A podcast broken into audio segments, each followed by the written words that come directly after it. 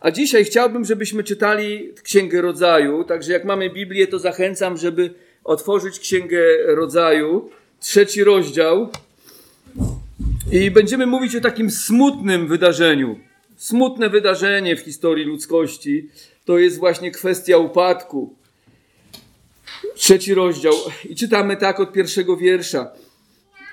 A wąż był chytrzejszy niż wszystkie dzikie zwierzęta, które uczynił Pan Bóg i rzekł do kobiety. Czy rzeczywiście Bóg powiedział, nie ze wszystkich drzew ogrodu wolno wam jeść? A kobieta odpowiedziała wężowi, możemy jeść owoce z drzew ogrodu, tylko o owocu drzewa, który jest w środku ogrodu, rzekł Bóg, nie wolno wam z niego jeść, ani się go dotykać, abyście nie umarli. Na to rzekł wąż do kobiety, na pewno nie umrzecie, lecz Bóg wie, że gdy tylko zjecie z niego, otworzą się wam oczy i będziecie jak Bóg znający dobro i zło. A gdy kobieta zobaczyła, że drzewo to ma owoce dobre do jedzenia i że były miłe dla oczu i godne pożądania dla zdobycia mądrości, zerwała z niego owoc i jadła. Dała też mężowi swemu, który był z nią i on też jadł. Wtedy otworzyły się oczy im obojgu i poznali, że są nadzy. Spletli więc liście figowe i zrobili sobie przepaski. Panie, pomóż mi wyjaśniać, pomóż nam się zbudować i zrozumieć lepiej, jaki jest nasz stan dzisiaj po upadku i czego potrzebujemy, aby być zdrowymi duchowo. Amen. Wydarzenia z trzeciego rozdziału Księgi Rodzaju zmieniły świat. Nie zawsze sobie zdajemy z tego sprawę, ale zmieniły świat jak żadne inne. Po prostu żyjemy w tym świecie. E, przyszliśmy na ten świat, gdzie, już ten, gdzie jest już ten stan upadku, innego świata nie znamy.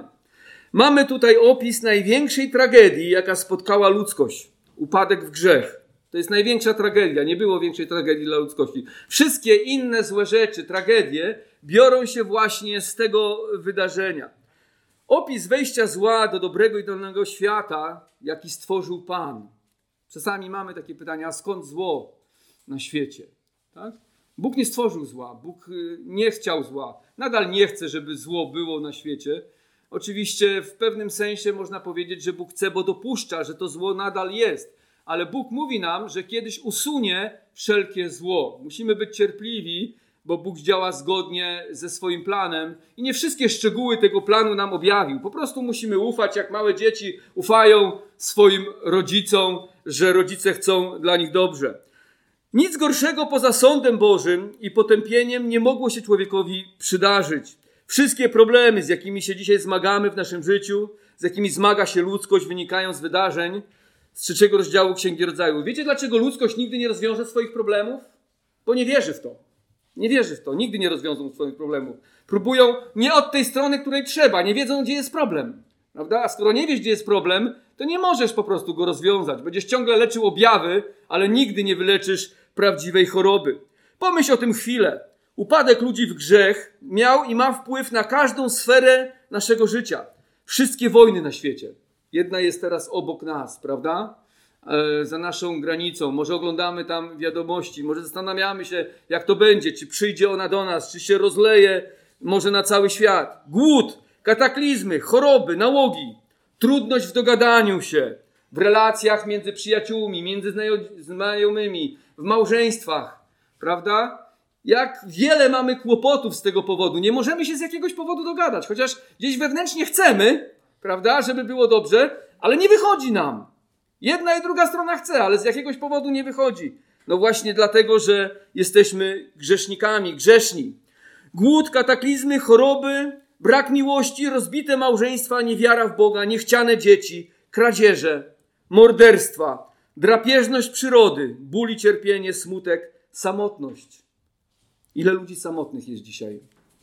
Nie jestem w stanie policzyć, ale podejrzewam, że miliony, jeśli nie miliardy. Prawda? Jest około 8 miliardów ludzi na świecie. Wcale bym się nie zdziwił, jakby jedna czwarta tych ludzi była po prostu samotna. Samotność, depresja, zazdrość, gniew i w końcu śmierć. Miałem pogrzeb w tym tygodniu. Chowałem pastora e, z Ukrainy. Wierny człowiek, oddany Panu Bogu. Ale ile smutku, ile płaczu też na tym pogrzebie. Chociaż to był człowiek, który kochał Pana Boga i wiedziała rodzina, że poszedł do Pana. ale jednak wiedzą, że już w tym życiu go nie spotkają.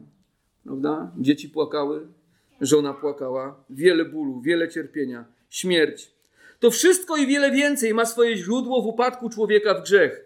Grzech tak bardzo zmienił świat i całe stworzenie, że nawet nie jesteśmy w stanie dokładnie powiedzieć, jak wyglądał świat, gdy grzechu nie było. Nie jesteśmy w stanie powiedzieć. Po prostu tylko tyle, co Biblia nam mówi. Czasami, gdy myślimy o niebie i próbujemy sobie wyobrazić, jak będzie wspaniale z Chrystusem, tu chyba jedna siostra modliła się, Marta, że nie może się doczekać, to powinniśmy pomyśleć o wyeliminowaniu w Królestwie Bożym wszystkiego, co wynika z upadku i jest grzechem. Ciężko może sobie pomyśleć o tym, tak? bo tak mocno y, nasze życie jest przeniknięte grzechem, każda sfera naszego życia, że nawet ciężko nam pomyśleć, jak może wyglądać świat bez grzechu. Tak? Ale niebo właśnie będzie takim miejscem, życie z Chrystusem będzie takim miejscem, gdzie nie będzie grzechu. Biblia mówi nam o wiecznej radości, o wiecznym pokoju, o wiecznej szczęśliwości, żadnego bólu, żadnego cierpienia, żadnego zmartwienia, żadnej samotności i tak przez wieczność. Chcielibyśmy tak. Kiedyś pamiętam wiele lat temu modliłem się w moim łóżku, już leżałem, mówię: Boże, chciałbym doświadczyć choć przez chwilę takiego stanu, jaki będzie w wieczności. I wydaje mi się, że Bóg mi to dał przez sekundę.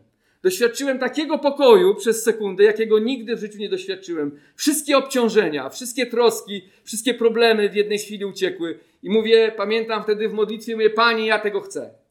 Ja tego chcę. Chcę takiego pokoju. Wiem, że dzisiaj nie jesteśmy w stanie w pełni tego doświadczać, ale w wieczności będziemy w pełni. Ale już Bóg daje nam łaskę, żeby doświadczać pokoju razem z Nim. To więc grzech to jest straszne wydarzenie. Zobaczmy, że Słowo Boże w taki sposób przedstawia nam fakty, by nie tylko dać nam odpowiedź na to, co się stało ze wspaniałym Bożym światem, z dwóch pierwszych rozdziałów Księgi Rodzaju, ale mówi nam o upadku przede wszystkim z tego powodu, byśmy zrozumieli konieczność odkupienia człowieka przez śmierć Pana Jezusa. Wiele osób nie chce Chrystusa. A po co mi Bóg? Po co mi Jezus Chrystus?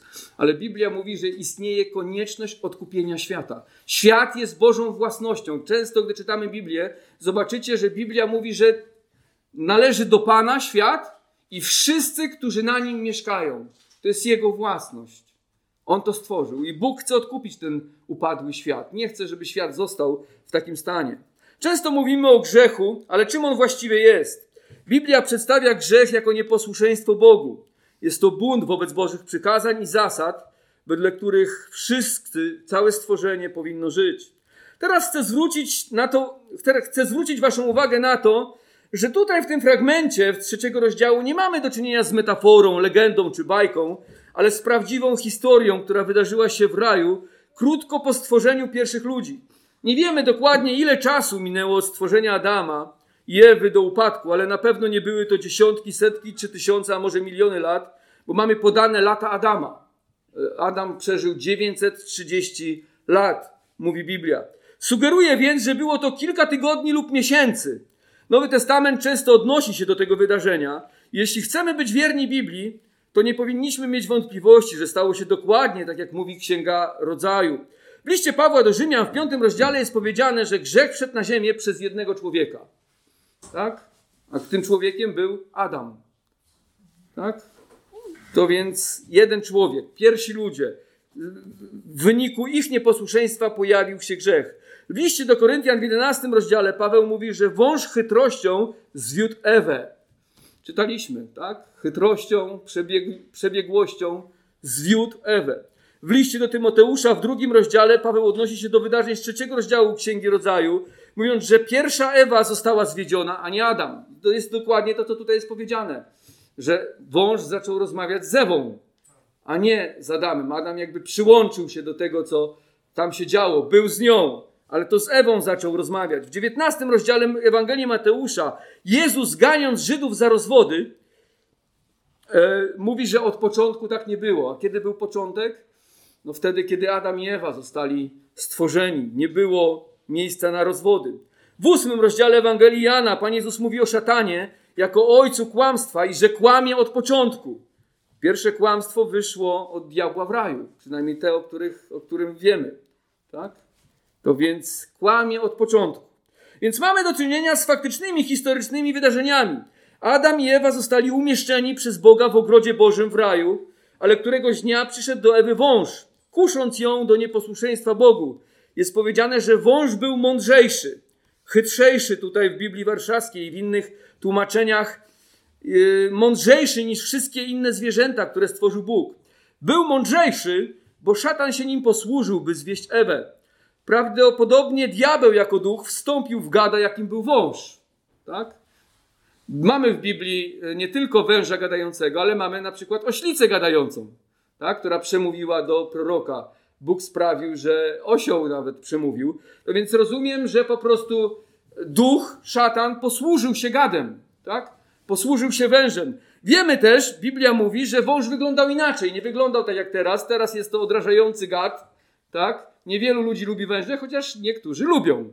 Mają węże i y, lubią mieć w domu, czy nawet y, nosić je na rękach, ale zazwyczaj nie lubimy węży. Budzą jakiś niepokój e, w nas. Nie rozumiemy pewnie tych zwierząt, ale Biblia mówi, że wąż wyglądał inaczej. Nie pełzał po ziemi, tak? Być może chodził na dwóch nogach, może miał inny wygląd. Niektórzy twierdzą, że być może miał skrzydła, tak? Bo wiemy, że z 14 wiersza trzeciego rozdziału, że Bóg przeklął węża za to, że e, doszło do upadku człowieka i miał się czołgać tak po ziemi i proch jeść. Trzeba nam wiedzieć, że szatan jest wyjątkowo sprytny i przebiegły. Nie ma nikogo w świecie ludzkim, kto byłby równie zwodniczy jak diabeł. Dlatego też żaden człowiek nie jest w stanie przechytrzyć Lucyfera.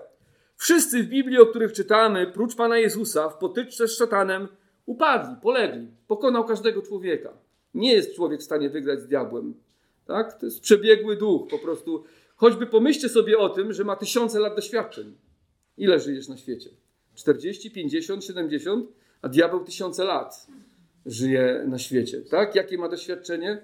Głębokie i bogate w relacjach z ludźmi. Tak? Ile wie o świecie więcej niż ty wiesz? Jego metody obejmują oszustwo, intrygi, kłamstwa i podstępy. Ale możemy z diabłem zwyciężyć i zwyciężamy mocą Jezusa. Gdy chodzimy z Chrystusem, możemy ostać się przed atakami złych mocy, o czym powiedział apostoł Paweł. Jezus zwyciężył szatana. Czytamy o kuszeniu. Jezus dał odpór diabłu, prawda? Gdy diabeł przyszedł kusić go na pustyni, gdy Jezus pościł, Jezus zwyciężył go. I dzisiaj chciałbym powiedzieć więcej o tym, jak działa pokusa.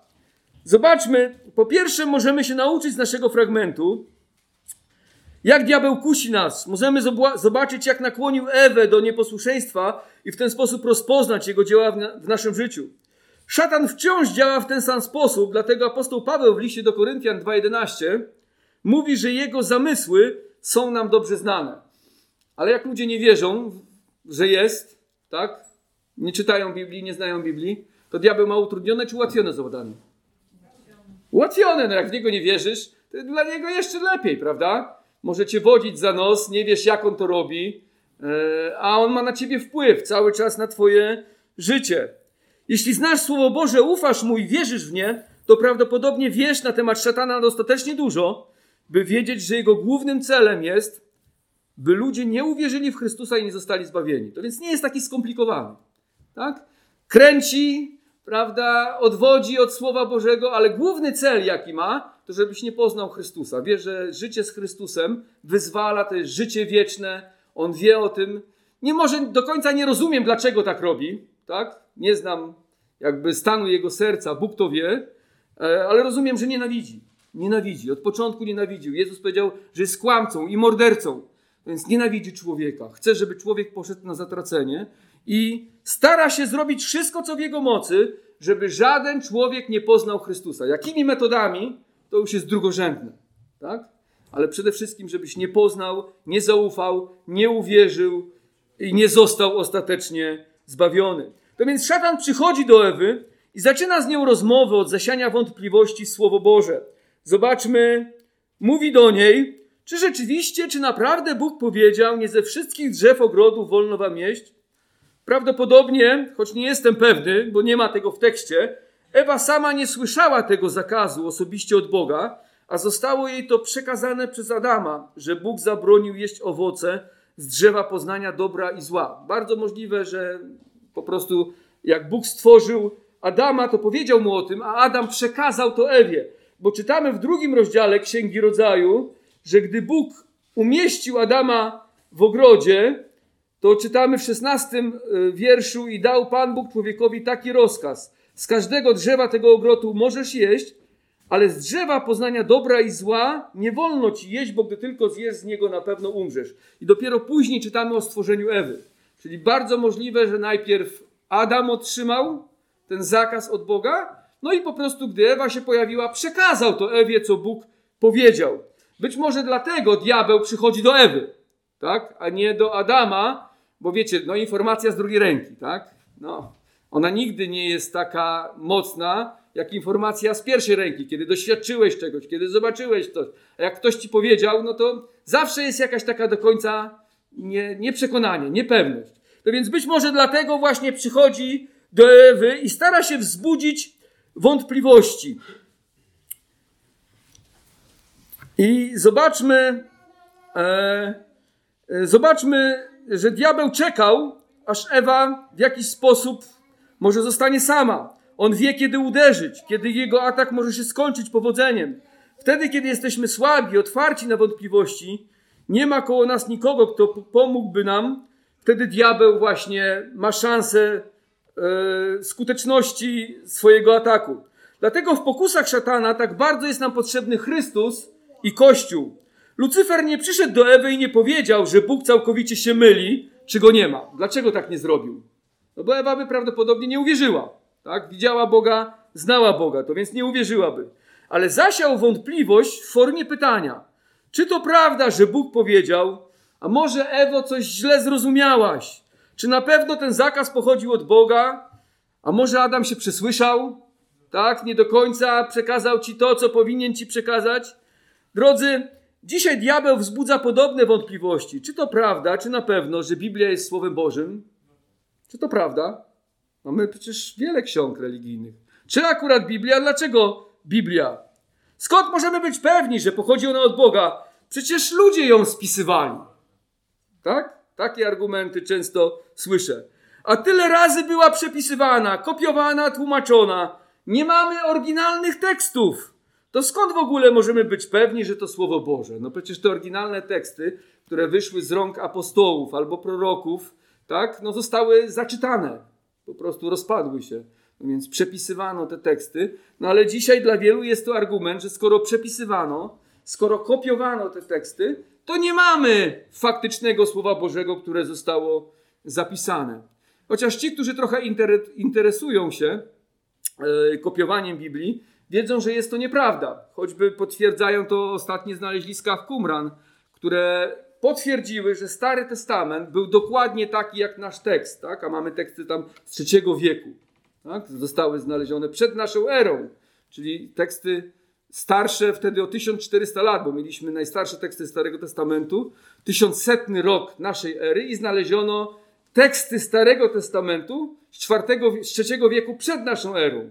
I były dokładnie takie same, tak, jakie mamy, mieliśmy e, w XX wieku i jakie czytaliśmy. To więc możemy być pewni, że Słowo Boże jest takie, jakie zostało napisane. Ale jeśli nie badamy zbyt głęboko, dla większości ludzi wystarczy, wystarczą takie ogólne hasła. Tak? Prawdopodobnie nie wejdą. Jeśli diabłu uda się przekonać, że nie jest to Słowo Boże, no to prawdopodobnie człowiek nigdy nie sięgnie, nigdy nie zacznie badać, nigdy nie zacznie poszukiwać i nigdy się nie dowie, czy jest to Słowo Boże, czy nie, aż do momentu, kiedy co się stanie?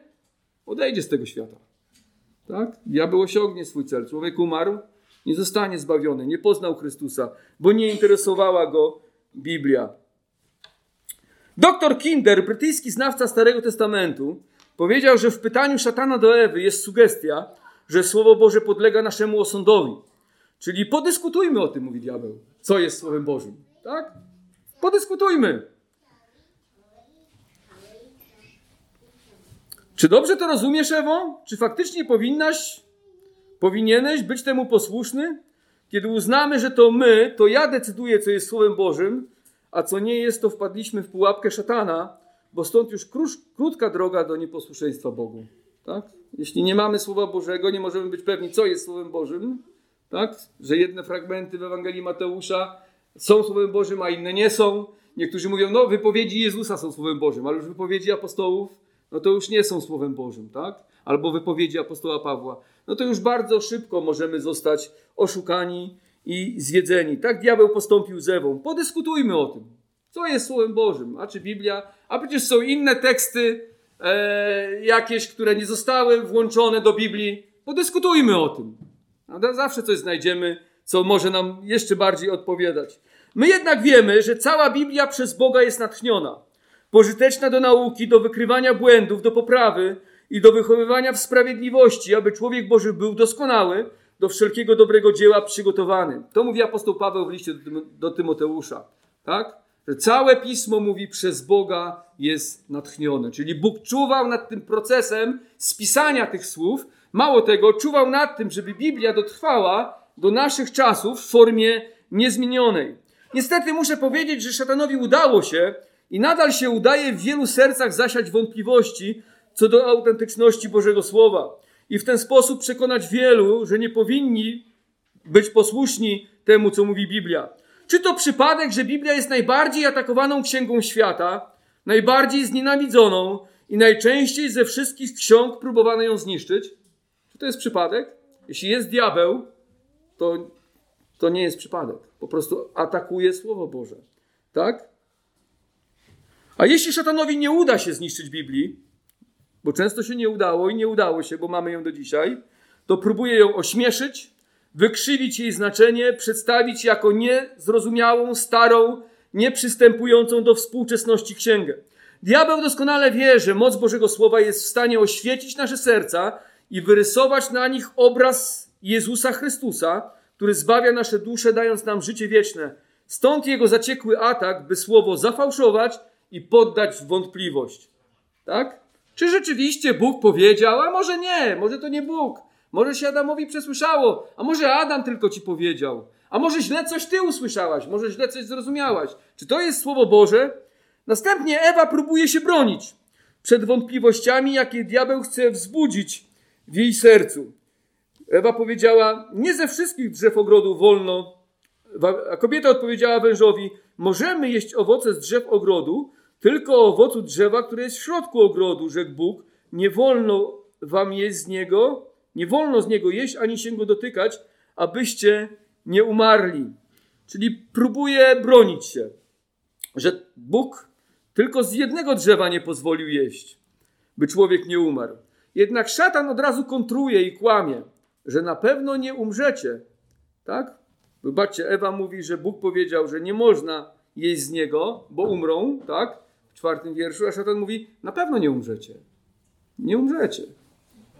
Nie? Drugi rozdział, 17 wierszu, Bóg powiedział, nie wolno jeść z tego drzewa, bo gdy tylko zjecie z niego, tak? Na pewno umrzecie. A zobaczcie, co Satan mówi. Na pewno nie umrzecie. Bóg mówi, na pewno umrzesz, a Satan mówi, na pewno nie umrzesz. Czyli co mówi? Bóg kłamie. Tak? Bóg kłamie. Nie? Diabeł mówi, nie umrzesz. Czyli coś zupełnie przeciwnego. Czy nie to samo słyszymy dzisiaj?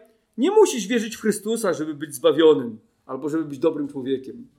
Tak? Zobaczcie, to, to jest ciągle te same kłamstwa. Tu się nic nie zmieniło. Co się zmieniło? Opakowanie trochę się zmieniło, tak? Ale kłamstwa jakby wciąż pozostają te same. Nie musisz wierzyć w Chrystusa, żeby być zbawionym. A Bóg mówi, że jest jedno imię pod niebem, przez które możemy być zbawieni, to imię Jezusa. Dzieje apostolskie 4:12. Nie ma zbawienia poza Chrystusem. Jest za, poza Kościołem Baptystów, tak? Ale nie ma zbawienia poza Chrystusem.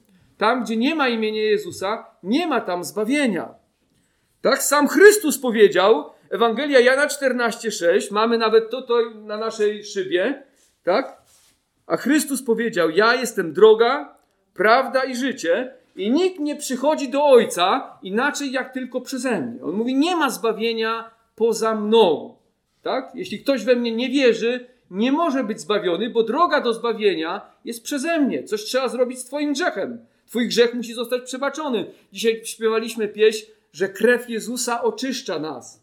Co cię oczyści przed Bogiem, jeśli nie Jezus? Tak? Nie ma żadnej ofiary we wszechświecie, z powodu której Bóg mógłby cię oczyścić. Ty też nie masz nic, co mógłbyś dać Bogu, żeby twój grzech został przebaczony. Więc diabeł kłamie. Naprawdę dziwię się czasami, nawet wierzącym, że wystarczy jeden lub kilka jakichś artykułów zrobionych przez jakieś poczytne media, szkalujących Słowo Boże, a już potrafimy mieć wątpliwości. Drodzy, diabeł kłamie. Kłamie. Biblia mówi, że jest Bogiem tego świata, czyli rządzi przez małe b, oczywiście, tak? Nie jest Bogiem w sensie gór, słońca i ziemi, bo to nie o to chodzi, że jest Bogiem, jakby panuje nad światem, tylko jest Bogiem tego systemu rzeczy. O to chodzi. Panuje nad ludźmi niezbawionymi, tak? Stwarza system, w, w, w którym ludzie się poruszają i żyją, żeby ludzie nie poznali Zbawiciela. Więc media należą do Niego. Czy Bóg może się posłużyć mediami? Oczywiście, że może. I się posługuje też mediami. Przez media mamy Ewangelię też zwiastowaną. My też wykorzystujemy różne nośniki medialne. Ale diabeł lepiej to robi często, prawda? To więc potrafi zrobić jakiś film przez ludzi, potrafi napisać jakiś artykuł szkalujący Słowo Boże, a my czasami mamy wątpliwości. Diabeł kłamie, manipuluje, kręci, przeinacza fakty, by powiedzieć nam, że nie musimy wierzyć Bogu i być Mu posłuszni i że Ewangelia nie jest taka ważna, że Chrystus nie jest jedynym Zbawicielem. To więc posłuchaj teraz tego. Dzieje apostolskie 17:30. Bóg wprawdzie puszczał płazem czasy niewiedzy, teraz jednak wzywa wszędzie wszystkich ludzi, aby się upamiętali, gdyż wyznaczył dzień, zobaczcie, Bóg wyznaczył dzień, w którym będzie sądził świat sprawiedliwie przez męża, przez Jezusa, którego ustanowił, potwierdzając to wszystkim przez skrzeszenie go z martwych. Bóg wyznaczył dzień. Nie wiemy, kiedy będzie ten dzień, ale wierzę, że się zbliża, kiedy Jezus powróci i będzie dzień, kiedy Bóg będzie sądził cały świat. Pan Jezus powiedział, że wszyscy ludzie z martwych wstaną. Wszyscy ludzie. I wierzący, i niewierzący. Jedni powstaną do życia, tak? Wiecznego, a drudzy powstaną na wieczne potępienie. To są słowa Chrystusa. I teraz apostoł Paweł w dziejach apostolskich mówi: Bóg wyznaczył dzień. I diabeł nie chce, żebyś wiedział, że Bóg wyznaczył dzień. Żebyś uwierzył w Ewangelię. On chce, żebyś nie przejmował się tym. Zajął się swoim życiem. Jakoś to będzie. Prawda? Bóg jest miłością. Przecież nikomu krzywdy nie zrobi. Drodzy, nadchodzi Pan Jezus ze swoim sądem. To od nas zależy, co zrobimy ze swoim życiem. Ewa mogła odrzucić kłamstwa szatana, ale nie uczyniła tego. W związku z tym diabeł działał dalej. Poddał wątpliwość Słowo Boże, kłamał na temat tego, co powiedział Bóg, a teraz sugeruje, że Bóg nie chce, by Adam z Ewą byli szczęśliwi. Zobaczcie, to teraz mówi diabeł w piątym wierszu. Lecz Bóg wie. To mówi diabeł. Tak? Zobaczcie, on cytuje Słowo Boże nawet tutaj. Lecz Bóg wie, mówi, że gdy tylko zjecie z niego, otworzą się wam oczy i będziecie jak Bóg, znający dobro i zło. Bóg wie, tak, że on coś ma, ale nie chce wam dać. Nie? On coś ma. Zobaczcie, Bóg był dobry, dał wszystko Adamowi i Ewie, osadził ich w raju, stworzył wspaniałą ziemię, niebo, wszystko, co było potrzebne do życia, tak? Ale na czym diabeł skupił uwagę Ewy?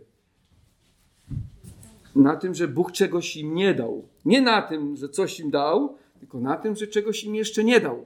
Tak? Coś ukrył przed nimi. Bóg wie, że gdy tylko z niego zjecie, otworzą się wam oczy.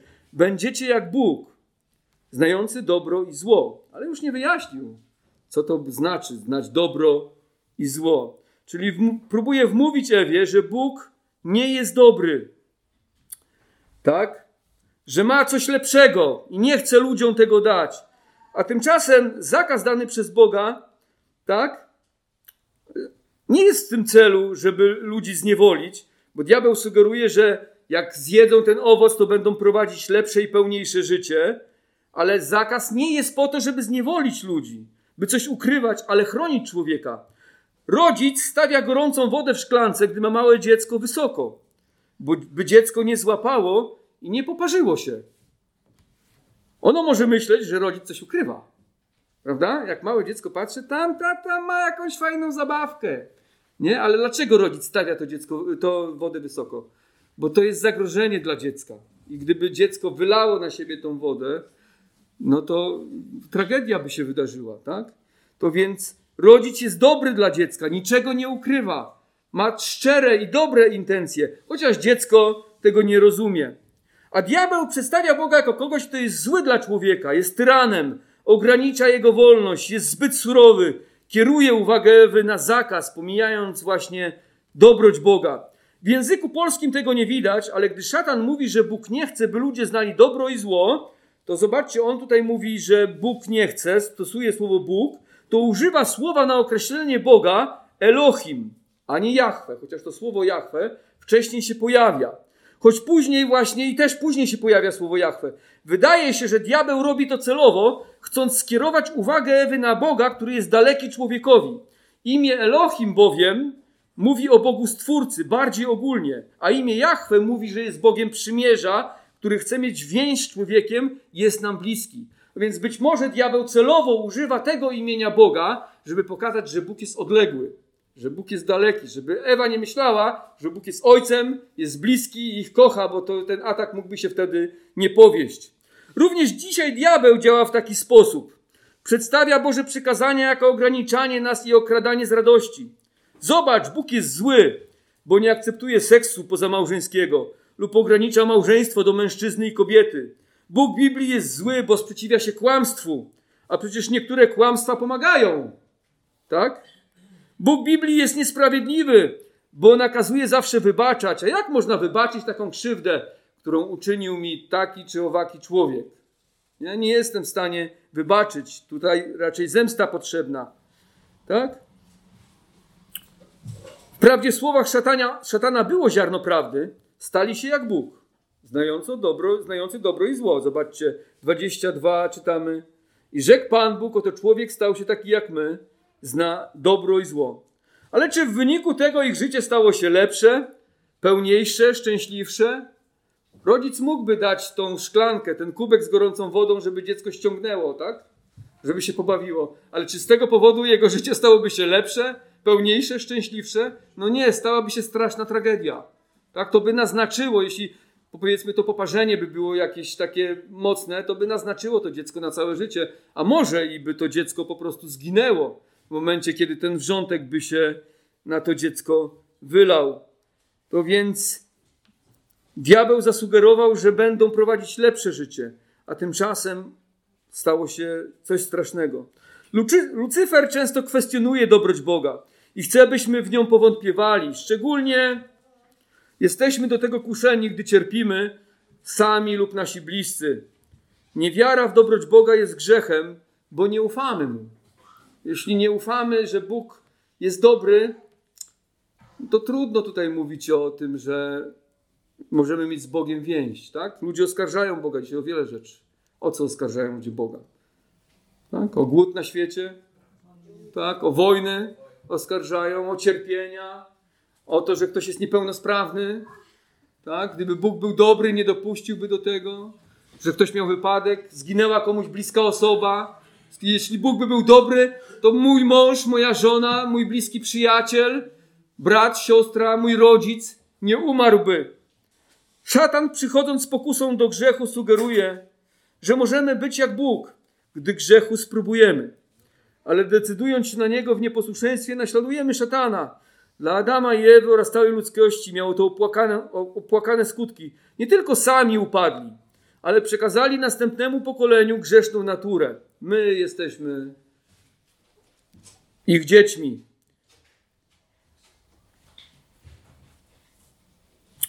Diabeł stwarza wrażenie, że gdy spróbujesz grzechu, będą jakieś nowe, intrygujące możliwości. Ale nic nie powiedział o strasznych konsekwencjach grzechu. Zamiast być wolnymi i szczęśliwymi, stali się niewolnikami grzechu. Myślę w tej chwili o setkach tysięcy ludzi, zniewolonych przez swoje nałogi, w które wpadli, myśląc, że będą bardziej wolni, dojrzalsi, męscy, mądrzejsi, a tymczasem to zniszczyło ich życie. Narkotyki, alkohol, tak? Wiele, wiele różnych rzeczy, hazard. Będziesz lepszy, będziesz szczęśliwszy wiele różnych innych rzeczy, do, którego, do których diabeł namówił ludzi. Szatan zawsze pokazuje swoje towary w taki sposób, by produkt wydał się bardzo atrakcyjny, ale ostatecznie jest to fałszywe, bo grzech niszczy nasze życie. Słowo Boże mówi w pierwszym liście Jana 3,8, że Pan Jezus pojawił się na świecie, by zniszczyć dzieła szatana, jakim jest śmierć i niewola grzechu. Każdemu, kto w Chrystusa uwierzy, zostaną grzechy przebaczone i otrzyma dar życia wiecznego. Pan Jezus uwalnia nas również od mocy grzechu. Tutaj na ziemi, tak, że nie musimy być posłuszni naszej grzesznej naturze i możemy być prawdziwie wolnymi ludźmi. Czasami jest to proces uświęcenia, że pewne rzeczy odpadają od naszego życia, a innym razem, gdy uwierzymy w Chrystusa, w jednej chwili zostajemy uwolnieni od różnych rzeczy, które zniewalały nas. Prawda? Zwróćmy też uwagę, że szatan zaprzecza pewności Bożego Sądu. Mówi do Ewy, że nie umrą. Czyli możesz grzeszyć sobie bez konsekwencji, a i tak nic ci się nie stanie. Tak? Czy nie dlatego wielu dzisiaj ludzi nie chce przyjść do Chrystusa? Mogę być jaki jestem. I tak mi się nic nie stanie. Nie wierzą, że umrą na wieki. Nie wierzą, że Bóg mógłby kiedykolwiek osądzić ich grzech. Często człowiek umniejsza też swoje grzechy i chce je usprawiedliwiać, przedstawiając je jako nic strasznego. Wszyscy tak robią. Jest wielu gorszych ode mnie. Nie miałem wyjścia, nie miałam wyjścia. Musiałem, musiałam tak postąpić. Tak? Jak chodziłem do więzienia, teraz nie sprawuję tam służby, ale jak chodziłem do więzienia, jak rozmawiałem z więźniami na temat e, tego, dlaczego trafili do więzienia, najczęściej mówili, że no, to winna policja, to winny ten drugi. No, wprawdzie zrobiłem to, ale to oni są winni, prawda? To oni. Gdyby nie oni, to ja wciąż cieszyłbym się wolnością, bo tak naprawdę ja nie jestem takim złym człowiekiem. Nie? To sąsiad, to znajomy, to policja, prawda, sprowokowała mnie i dlatego tu się znalazłem. Może nam się wydawać, że kara dla ludzi była zbyt wysoka w stosunku do przewinienia, bo jakie wielkie zło było w zjedzeniu kawałka owocu. Ale problemem nie było tylko jedzenie, ale niewiara, nieposłuszeństwo, bunt i pycha. Tak? To tylko objawiło się w tym, że ona zerwała ten owoc, ale problem był w sercu. I to Bóg musiał osądzić. Kwestia sądu nie jest sprawą surowości Boga, tylko Jego sprawiedliwości. Bóg nie może puścić płazem grzechu człowiekowi, bo okazałby się niesprawiedliwy i pogwałcił swoją świętość. Czy Bóg może przestać być Bogiem? Czy byłby wtedy Bogiem, gdyby przestał być Bogiem? No właśnie nie byłby Bogiem. I wszyscy wiemy logicznie, że takiego Boga nie chcielibyśmy, bo nie byłby takim Bogiem. E, ktoś mi powiedział kiedyś z jakimś muzułmaninem, rozmawiałem, że Allah w nocy nie widzi. Prawda? Że, że póki jest widno, no to widzi, ale w nocy to już oni mogą żyć tam jak sobie chcą, bo Allah w nocy nie widzi. Ale czy to jest Bóg prawdziwy, tak? No nie jest już Bogiem, to jest jakaś karykatura Boga. Bóg prawdziwy nie może przestać być Bogiem. Jest Bogiem sprawiedliwym, więc grzech musi zostać ukarany. Tego wymaga jego natura. Dlatego Bóg osądził grzech, ale Bóg osądził go w Chrystusie przede wszystkim. Tak? Bóg osądził grzech w Chrystusie. Chrystus zawisł na krzyżu za nasze grzechy. Mieliśmy Wielkanoc niedawno i wzywa dzisiaj ludzi, by ludzie w Jezusa uwierzyli i na tej podstawie im przebaczy. Jeśli jednak ludzie nie chcą tego zrobić, sami będą musieli ponieść konsekwencje swoich grzechów. To będzie coś strasznego, jeśli ludzie nie chcą uwierzyć w Chrystusa. Po tym, jak diabeł przedstawił Ewie atrakcyjność grzechu i wymalował przed jej oczami wszystkie zyski, jakie osiągnie dzięki zerwaniu owocu, Ewa zobaczyła, że te owoce są wyjątkowo atrakcyjne do jedzenia. Odpowiada to temu, co mówi pierwszy list Jana 2,16 o grzechu, że jest to porządliwość ciała. Pokusa jest tak silna, że wydaje ci się, że jak nie będziesz tego miał, to będziesz nieszczęśliwy. Prawda? Doświadczyliście tego czasami, ja wielokrotnie doświadczyłem. Jak nie będę tego miał, to moje życie jest do bani. Tak? No, tak to wygląda. Nie? Następnie Ewa zobaczyła, że owoc był miły dla oczu, co odpowiada porządliwości, oczu z listu Jana. Diabeł zawsze przedstawia grzech jako coś ładnego. Nie skusi cię brzydkimi rzeczami, ale takimi. Dziękuję. Już druga. Jak wypiję całą wodę. Tak. Już powoli zmierzamy do końca. Ale zobaczcie, diabeł zawsze przedstawia grzech jako coś ładnego. Nie kusi cię brzydkimi rzeczami, ale takimi, które są atrakcyjne. I również czytamy, że owoce były godne do zdobycia mądrości, co odpowiada pysze życia. Jak scharakteryzował grzech apostoł Jan? Chodzi o to, że Ewa przez zerwanie owocu chciała stać się mądrzejsza, wzbić się na wyższy poziom intelektualny, być kimś wielkim. Problem jednak polegał na tym, że chciała to osiągnąć bez Boga, gwałcąc Boże zasady. Ludzie często myślą, że jak będą żyć po swojemu, no to wtedy wzbiją się na jakieś wyżyny intelektualne. Tak? Ale bez Boga to nic nie znaczy. Apostoł Paweł mówi, nawet gdybyś całą wiedzę, całą wiedzę świata poznał, a wiemy, że nie jesteśmy w stanie całej wiedzy świata zgłębić, tak? Ale gdybyśmy zgłębili całą wiedzę świata, co ci da to bez miłości Bożej? Tak? I tak kiedyś odejdziemy z tego świata. Jednak gdy Ewa zdecydowała się wraz z mężem na nieposłuszeństwo, nastąpiła śmierć. Najpierw ducha, a później fizyczna.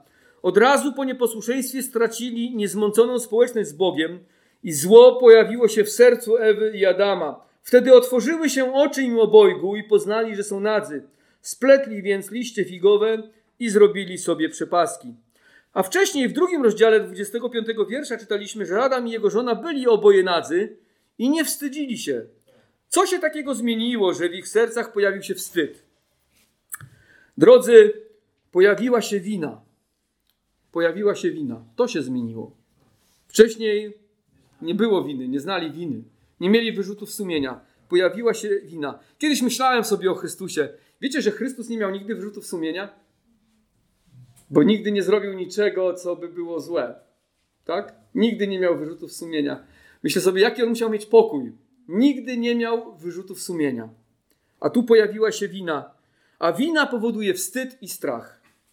Wcześniej byli niewinni, mieli czyste serca, czuli się bezpiecznie, ale od momentu nieposłuszeństwa nosili w sobie poczucie winy.